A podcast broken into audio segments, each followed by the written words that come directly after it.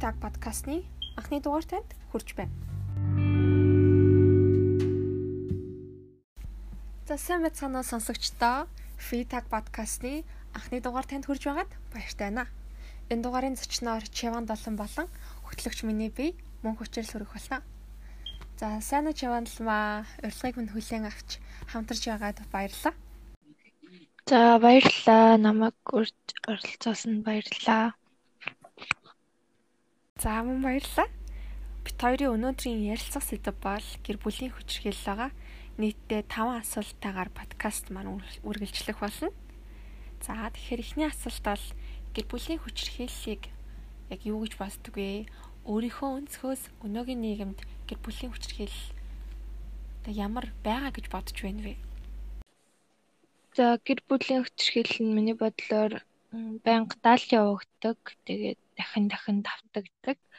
Аа давтагдах болгондоо одоо улам ноцтой, илүү аюултай болдог тийм өвөрмөц үйл явц гэж боддог. Тэгээд одоо ингээд вирус дэлгэрсэн цар тахалт игцэн энэ үед олон нийтийн дунд одоо Монгол улс дунд дэлхийд даяар ч гэсэн бухимдал стрессийн түвшин айгүй их нэмэгдэг. Тэгээд ингэсний улмаас гэр бүлийн хүчрхийл хүчрхийлэл өсөх зүйл тогтолтой болдог гэж бодож байна. Тэгэхээр ерөнхийдөө бол COVID-19 гарсантай холбоотой гэр бүлийн хүчрхийлэл нэмэгдэж байна гэсэн үндэсний статистикийн хорооноос мэдээлсэн байсан. А учир нь хүчрхийлэл үйлдэгчтэй хамт хүүхэд эмэгтэйчүүд тусгаарлагдаж байгаагаас шалтгаалж байна гэж ихэд бол үздсэн байлээ. За миний хувьд бол гэр бүлийн хүчирхийлэл гэдэг нь нийгэмд хамгийн их байдаг хэрнээ хамгийн далтай зүйл данганц бие мах бодиш сэтгэл санааны хүчирхийлэл хүртэл байдаг. Ихэнх тохиолдолд хүүхэд эмэгтэйчүүдэд өртдөг өө. Яагаад гэвэл өртөж байна вэ гэхээр нэг талаараа миний бодлоор эдийн засгийн хямрал маш хүчтэй нөлөөлөхдөө хүүхэд эмэгтэйчүүдэд хүчирхийлэл хэлбэрээр илэрдэг гэж бодож байна. Яагаад гэвэл эмэгтэйчүүд эрт гэр бүл зохиосноосоо үүдэлтийгээр боловсрал дутуу эзэмсэн өөрийгөө болон хүүхдээ авч явах эдийн засгийн чадамжгүйгээс шалтгаалаад одоо эрэгтэй хүний хамааралтай одоо болчдөг. Тийм учраас гэр бүлийн хүчирхийлэл тавигдах эхлэл нь болт юм болоо гэж миний хувьд бол бодож байна. Гэр бүлийн хүчирхийлэл үлдэх гол шалтгаан нь чухал байх гэж бодож байна. За үүнийг яг юу гэж ойлгож байна вэ? Тавчхан хариулвал. За гэр бүлийн хүчирхийлэл үлдэгдэг гол шалтгаан гэх юм бол миний бодлоор одоо хоёр талын төвчээргүй байдал тэгээд төргөн зан ааш тийм үү одоо хараас нь толгоогоо мэдүүлсэн зэрэг нөхцөлхийлэл үлдэгдэг гол шалтгаан гэж үзэж байна. Бас дээрэс нь одоо нийгэмд одоо өөрийн ажилдаг орчноос авч буй стресс ч гэдэм үү. Тиймэрхүү зүйл айгүй их нөлөөлдөг гэж бодож байна. Миний хувьд бол э, гол шалтгаан гэх юм бол би эдийн засгтаа бас хамаатуулж ярмаар байна. Эдийн засгийн хараат байдал нэг талаараа нөлөөлж байгаа. Эцгийн эрхт ёс гэр бүлд буруу дамгаалснараа мөн үлдэгдэг гэж болцшгүй. Мөн согтруулах хундааны зүйл хэтрүүлэн хэрэглэснээс болж санаатай болон санамсаргүйгээр хэрэг гарч болох юм. Тэгээ ерөнхийдөө бол Монгол улс чинь эдийн засгийн хямралтай орн шүү дээ. Үүнээс үүдээд хүмүүс бухимдалд орж эхэлдэг. Харин тэр бухимдлаа гэртээ очиж гаргадаг. Тэгээ янз бүрийн хэлбэрээр байж болно. Аа тийм болохоор гэр бүлийн хүчирхийллийн хэлбэрүүд гэж тусдаа байдаг. Дан ганц бие мах бодийн биш олон төрлийн хэлбэрүүд байт юм билээ. Үүний талаар одоо хэлбэрүүдийг одоо юу гэж боддог вэ? Ямар ямар хэлбэр мэдэх вэ? Тэр талаараа хариулвал. За гэр бүлийн хүчирхийллийн хэлбэрүүд гэх юм бол үндсэн хуульд зааснаар гэр бүлийн хүчирхийллийн тухай хуульд заасан одоо дөрвөн үйлдэлийг гэр бүлийн хүчирхийллийн хэлбэр гэж үздэг. Тэгээд энэнд нь бие махбодын сэтгэл санааны эдийн засгийн болон бэлгийн гэсэн дөрвөн хүчирхийлэл байдаг. Тэгээд хүмүүс энэ хүчирхийллийг гүйцэтгэж явахдаа одоо хүчирхийлэл үйлч гин гэж төдийлөн мэддэг. Тэгэхээр энэ талын мэдлэг бас хүмүүст хэрэгтэй гэж бодож байна. Тэгэхээр бие махбодын хүчрхийлэл болон бэлгийн хүчрхийллийг хүмүүс ихэнхдээ мэддэг. А нөгөө хоёр нь бол тухайлбал мэддэггүй байх. Тийм учраас а ийм дөрвөн хэлбэр байдаг гэдгийг хүмүүсийг мэдээсэй гэж хүсэж байна. За тэгэхээр дараагийн асуулт бол гэр бүлийн хүчрхийллийн талаар а Содонгоо гэдэг охин гашуун кофе хэмэх ном гаргасан байсан. Үүнийг уншсан уу? Уншсан бол хэр санагдсан бэ? Сатангоо зохиолч энэ гашуун кофе гэдэг ном нэрнээс эхлээд аягүй сонин санагдсан. Тэгээд одоо гашуун кофе гэхээр бас яг юу илэрхийлэх гэсэн болоо гэд айгүй сонирхол татсан.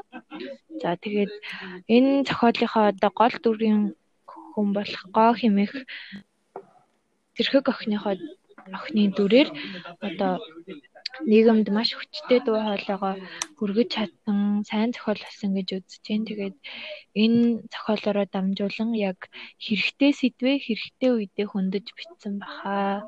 Миний бодлоор айгүй сайн зохиол болсон гэж үзэж байгаа. За таны бодлоор цаг үеэ болсон хөндөр сэдвийг маш зөв хүндсэн гэж би бол бодож байна. За энэ номыг уншаад эмэгтэй хүмүүс хүчтэй байх хэрэгтэй гэсэн мессежийг аавна эмэгтэй хүн хүчтэй байвал илүү боловсралтай, эдийн засгийн чадамжтай, хүн тэндэг болсон цагта гэр бүл зохиовол хүчрхийллийг хэд дахин илүү бууруулж чадна гэсэн ухагтгүй нэг давхар шингээж өгсөн байсан. Тэгээд мөн а нэр нэрнээс нь дуртахад л угаасаа маш сонирхолтой санагдсан. Тэгээд ярилцлагыг нь олж үзтэл гашуун кофе гэдэг нэрээ яагаад өгсөн бэ гэхэд амьдрал гашуун байх тусам амттай Магадгүй гашуун амтыг амтлаагүй бол чихэрлэг сайхан амтыг амтлахгүй байхаа гэж ярилцлаган дээр хэлсэн байлээ. Зөв сэдвээ барьж аваад өнөөгийн нийгмийг өсвөр насны охин яг яаж харсан бэ гэдгээр хийсэн байсан надад их таалагдсан. Тийм учраас энийг охтууд уншаад ирэхэд бол илүүдэхгүй юм байна. Мөн эцэг эхчүүд уншаад илүүдэхгүй юм байна гэж би өөрөд бол батсан байгаа. За тэгээд хамгийн сүүлийн асуулт бол гэр бүлийн хүчирхийллийг бууруулах арга байдгүй. За ерхэд бол чиний хувьд бууруулъя гэсэн бодол өгдөг бол ямар аргаар бууруулах байсан бэ? За гэр бүлийн хүчирхийллийг бууруулах арга нь миний бодлоор болохоор одоо утас онлайн утас болон онлайнаар одоо сэтгэл зүйн зөвлөгөө өгөх үйлчилгээг гэрчимжүүлэх хэрэгтэй юм шиг санагддаг. Тэгээд эмэгтэйчүүд хүүхдүүд гэр бүлийн хүчирхийлэлд өртөж байгаа ч гэсэн энийг хаана мэдээлэх учраа олдгоо хаана мэдээлэх юм мэддгүү тэгэхээр энэ талын үйлчлэгийг илүү сайжруулах хэрэгтэй юм шиг санагдаг. Тэгээд аа дараачд нь болохоор өрх болон гэр бүлийн эдийн засгийн дарамтыг багасгах арга хэмжээ авах хэрэгтэй юм шиг санагдаг. Ингэснээр одоо гэрийн одоо хүчирхийлэгчд ирж байгаа дарамт багасах одоо тэр тал руугаа нөлөөтэй. Тэгээд ахын хүрээнд одоо гэр бүлийн хүчирхийлэгчдийн ихэнх нь арх арх дарснаас болоод одоо хүчирхийлэл үйлдэлдэг шалтгаан нь болдог. Тэгэхээр ахын хүрээний архитектыг бууруулахад цогтууруулахундаа бол борлуулах цэг цагийн хуваарьт хязгаарлалт хийж энийг бас хянаж одоо татвараар зохицуулах хэрэгтэй юм шиг санагддаг бас гэр бүлийн хүчирхийллийн талаар мэдээллийг одоо хүмүүс боловсролын системд юм оруулж одоо хүмүүс мэдээлэх хэрэгтэй.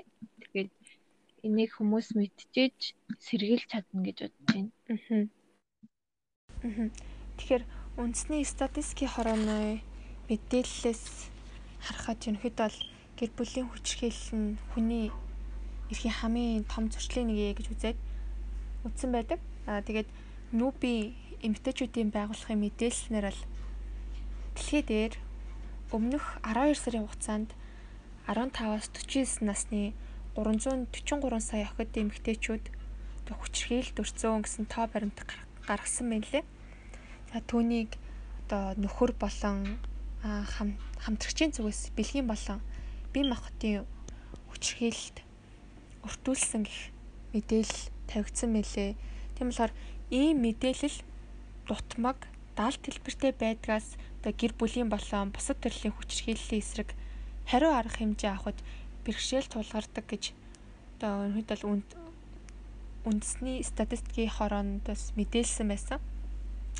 Тухайлбал одоо хүчирхийлэлд өртөж буй эмэгтэйчүүдийн одоо 40 хүрэхгүй хувь нь ямар нэгэн тусламж хүсдэг.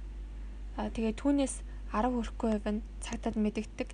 Энэ нь болохоор ерөнхийдөө бол мэдээллийг нууж байгаа нэг хэлбэр тэгээд мөн одоо хүчирхийллийг олоход саад болтгоо одоо их ерөнхийдөө бол хүчирхийллийг олоход одоо хариу арга хэмжээ авахд бэрхшээл тулгаруулдаг нэг зүйлээ гэж хэлсэн мэлээ. За үүн дээр л аа миний хувьд бол аа хэрхэн одоо сэргийлэх вэ гэвэл одоо залуучууд одоо залуучууд бид одоо нийгмийг өөрчлөх ёстой гэж бодож байна. За мөн хууль батлах хэрэгтэй. За Монгол улсад гэр бүлийн тухай хууль 2016 онд ерөнхийдөө бол батлагдаад 2017 оноос мөрдөж эхэлж байгаа гэсэн мэдээлэл байсан. За мөн 2017 онд судалгаа явуулсан байсан. За тэгээд хуультай улс орнууд гэх юм бол дөрвөн улс тутмын нэг нь эмэгтэйчүүдийн одоо эмэгтэйчүүдийг гэр бүлийн хүчирхийллээс тусгайлан хамгаалах хуультай байдаг. За тэгээд ихэнх улс орн ихэнх улс орнд одоо хууль эмэгтэйчүүдийн талд байдаггүйг ерөнхийдөө бол энэнгээр харуулж өгч байгаа. Үлдсэн 3% нэмэгтэйчүүдийн хууль гэж ерөнхийдөө бол байдаггүй. Зөвхөн дөрөв улс тутмын нэг нь нэмэгтэйчүүдийн хууль гэж тусгайлан гаргаж өгсөн. Ийм зүйл байх хэрэгтэй маа. Яагад гэвэл хүчирхийлэл хуульгүйгээс болж нэмэгдэж байгаа учраас хамгаалах хүнгүй гэдэг утгаар нь хамгаалах хамгаалах зүйл байхгүй гэдэг утгаар нь тийм учраас хууль хэрэгтэй маа гэж би ерөнхийдөө бодож байна. За мөн хэрэгтэй мэдээлэл болгоод нэг судалгааны үр дүнг танилцуулъя. Монгол улсад 3 эмэгтэй тутмын нэг нь амьдралынхаа туршид бие махбодын болон бэлгийн хүчирхийлд өртсөн байна. За гэр бүлийн хүрээнд тухайлбал нөхөр хамтрагчийн зүгээс 10 эмэгтэй 6 нь амьдралынхаа туршид хүчирхийлд өртсөн эдгээр эмэгтэйчүүдийн 4 хүн 4 хүн тутмын нэг нь хин нэгэнд хандаж хилж байгаагүй гэсэн мэдээлэл байна. За мөн гэр бүлийн хүчирхийллийн улмаас үлдэгдсэн 279 гэмт хэргийн 91% нь хөнгөн, 9% нь хүнд ангилалтай. За 48% нь Улаанбаатарт, 52% нь Орон нутагт.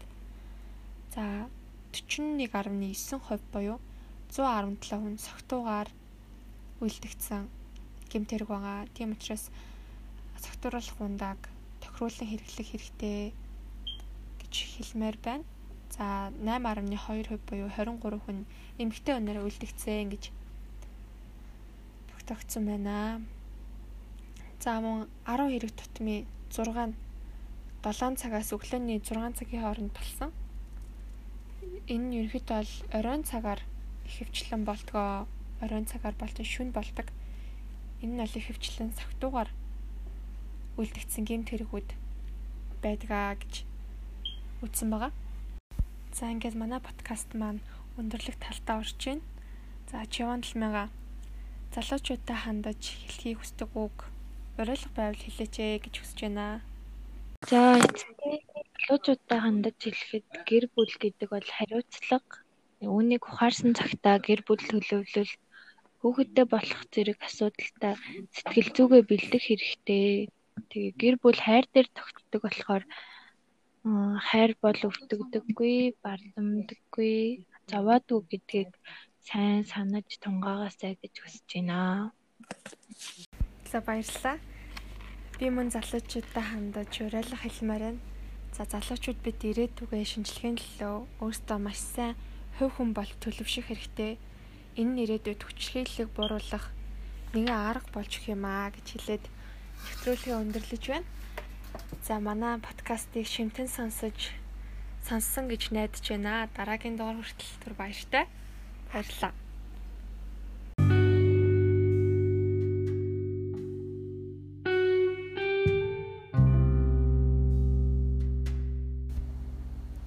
Free Talk подкастны эхний дугаар танд хүрэлээ.